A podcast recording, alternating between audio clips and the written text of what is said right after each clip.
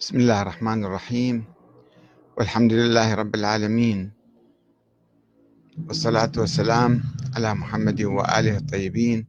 ثم السلام عليكم أيها الأخوة الكرام ورحمة الله وبركاته. لا ديمقراطية مع ثقافة العبيد والسادة والمقلدين والمراجع وعبدة الأصنام وأنصاف الآلهة. المجتمعات نوعان مجتمعات حية. كل فرد في هذه المجتمعات هو إنسان واع ومثقف ومهتم بقضايا شعبه وأمته وإنسان إنسان فاعل. ومجتمعات ميتة تفرض عليها أنظمة أو العادات والتقاليد حالة الموات والاستسلام والخضوع والخنوع والسلبية والهامشية والابتعاد عن أي قضية وطنية عدم التفكير فيها وعدم إعطاء رأي فيها. ولكن في الحقيقة هذه طبعا حالة مجتمعات كثيرة في التاريخ وبعض المجتمعات الإسلامية في عصور الانحطاط. ولا تزال أيضا مع الأسف الشديد في القرن الواحد والعشرين أيضا. هناك مجتمعات تعيش هذه الحالة مجتمعات عربية إسلامية.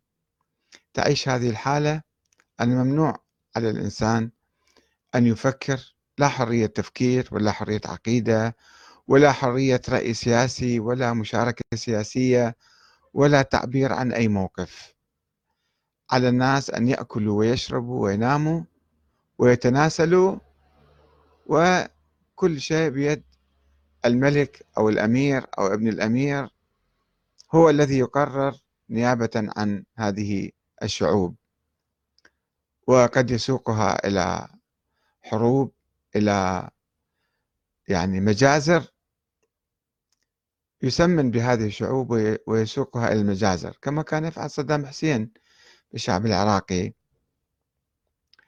هو الذي يقرر الحرب وهو الذي يقرر السلام. ولا يوجد دستور في البلد وفي بلاد كثيرة ليس في عراق صدام فقط. آه، وإذا توجد دساتير وهمية فتعطي الحق كل الحق للأمير أو الملك ولا أي حق للشعب. حتى مجرد تعليق على تويتر أو فيسبوك أو يعني تعليق بسيط آه، يعتقل صاحب التعليق وربما يعدم أيضا.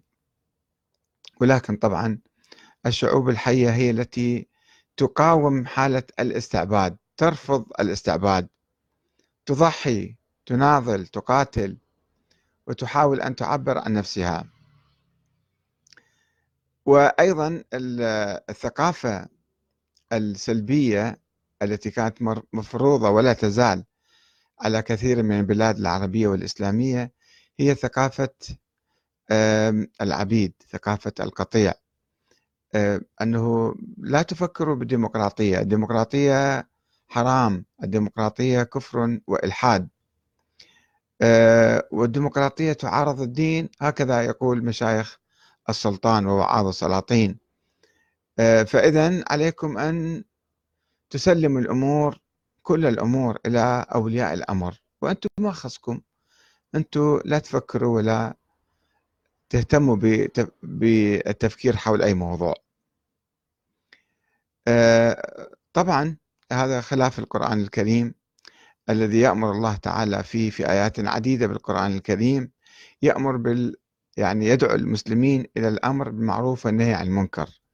ليس فقط على المسلم أن يصلي ويصوم ويحج ويزكي وإنما عليه أن يأمر بالمعروف وينهى عن المنكر.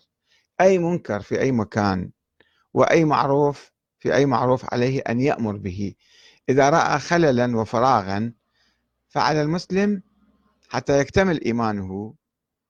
آه، وهذا هو الجانب السياسي في الحقيقة والجانب الاجتماعي من الإسلام. الإسلام ليس فقط عبادة بين الإنسان وربه يصلي فقط في المسجد ويروح بعد ما خصه كما يراد منه من قبل كثير من الأنظمة المستبدة الدكتاتورية. لا وإنما عليه أن يتفاعل مع قضايا الأمة إذا شاف فساد أو شاف ظلم أو طغيان أو قتل أو أي شيء عليه أن ينهى عن المنكر بيده وإذا ما يستطع بيده فبلسانه وإذا ما يستطع بلسانه فبقلبه. لا يستسلم أمام حالات الظلم والطغيان والجور في أي مكان في بلده وفي البلاد الأخرى. هذه صفة أساسية من صفات المسلم عليه أن يأمر بالمعروف إذا كان في شيء خير وفضل وسنة حسنة عليه أن يأمر بها. يأمر الآخرين يدعو الآخرين إليها. يأمر بالمعروف وينهى عن المنكر. والأمر بالمعروف والنهي عن المنكر ما يقتصر على الناس العاديين. تأمر الناس اللي تحت إيدك وتنهاهم اللي تحت إيدك. لا إنما حتى لمن فوقك. لقياداتك وزعمائك والحكام الموجودين. تأمرهم بالمعروف وتنهاهم عن المنكر. يعني تقوم بالعمل السياسي. تقوم بالعمل السياسي من من منطلق ديني منطلق إلهي. أن هذا واجبك. إذا شفت الظلم آه، وتقاوم الظلم. الله سبحانه وتعالى يقول والمؤمنون والمؤمنات بعضهم أولياء بعض ما في فرق بيناتهم. يأمرون بالمعروف وينهون عن المنكر ويقيمون الصلاة ويأتون الزكاة ويطيعون الله ورسوله.